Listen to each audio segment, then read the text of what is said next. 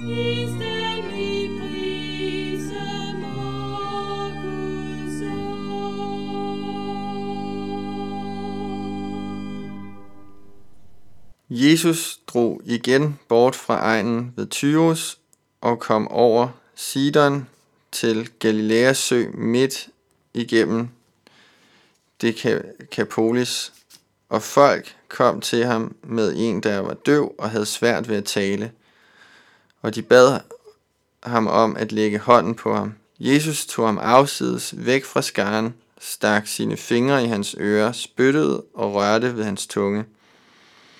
Og han så op mod himlen, sukkede og sagde til ham, Efata. Det betyder, luk dig op. Og straks lukkede hans ører sig op, og det bånd, der bandt hans tunge, blev løst, øh, og han kunne tale rigtigt. Jesus forbød dem at sige det til nogen, men jo mere han forbød dem det, jo ivrigere fortalte de om det. Og de var overvældet af forundring og sagde, han har gjort alting vel. Han får både de døve til at høre og de stumme til at tale. Der, der er tre ting, der under mig, tror jeg, i den her tekst. Mm.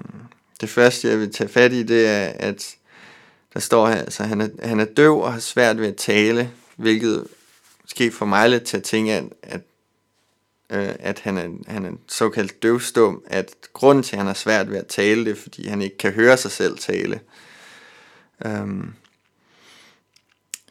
øhm, men, øh, øh, og så, men Gud, ja, Jesus rører jo også ved hans tunge, øhm, og, øh, men altså, hvis det egentlig er, at han er døvstum, frem for at han, han bare også har, Øh, der er et eller andet også er galt med hans tunge, så synes jeg faktisk næsten, det er endnu større, fordi så er det jo helbreder Gud ikke bare hans defekten på hans tunge, men han helbreder faktisk den manglende træning i at tale, han har haft.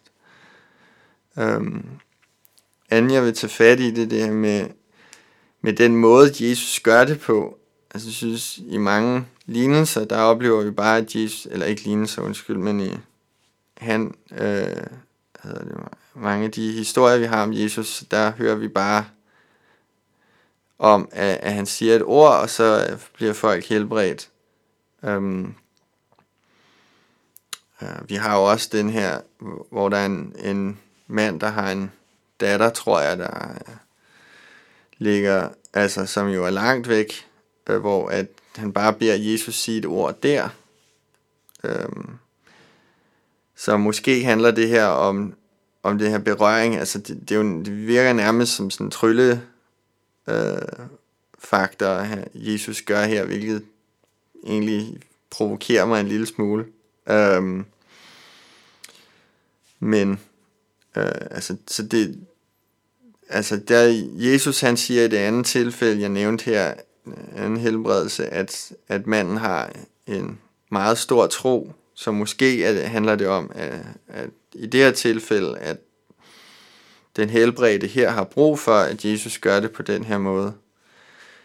Um, anden tanke er også, at det måske kan være, uh, være en del af, jeg tror, der er et meget ved, altså der, hvor evangeliet kommer frem i lidt i teksten, at øh, at han netop bliver helbredt for sin hørelse og sin tale, og det, og det for at lægge ekstra stor vægt på det, at evangeliet det skal høres, Guds ord skal høres, og øh, det gør det jo, bliver det jo med ørerne, og så skal det fortælles med tungen.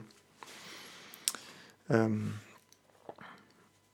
ja, så det sidste, det er jo det her med, at han, med det her forbud mod at tale. Det er ikke den eneste gang, vi oplever, at Jesus han, han giver sådan et forbud. Um, der, der tænker jeg, at kan det her med at gøre, som han siger øh, et andet sted, at min time er ikke kommet. Øh, at, Jesus vil ikke have for, for stor opmærksomhed øh, på det her tidspunkt. Så kan jeg så undre lidt, at at han opnår det modsatte, at de faktisk taler endnu mere, jo mere han forbyder dem. Øh, det kan man så sige, det øh, passer jo egentlig også bare, altså det er jo en ting ved, ved Bibelen er, at den, det er jo virkelige hændelser, så derfor så, øh, ja, så går det jo ikke altid glat. Øh, det, er ikke, det er ikke bare opspind, tænker jeg egentlig, at, at noget af det her bekræfter, når det ikke bare går lige, eller lige passer fuldstændig sammen det hele. Øhm, ja, afsluttende vil vi høre øh, Du levende ord med Elsebeth Nordsø Lund.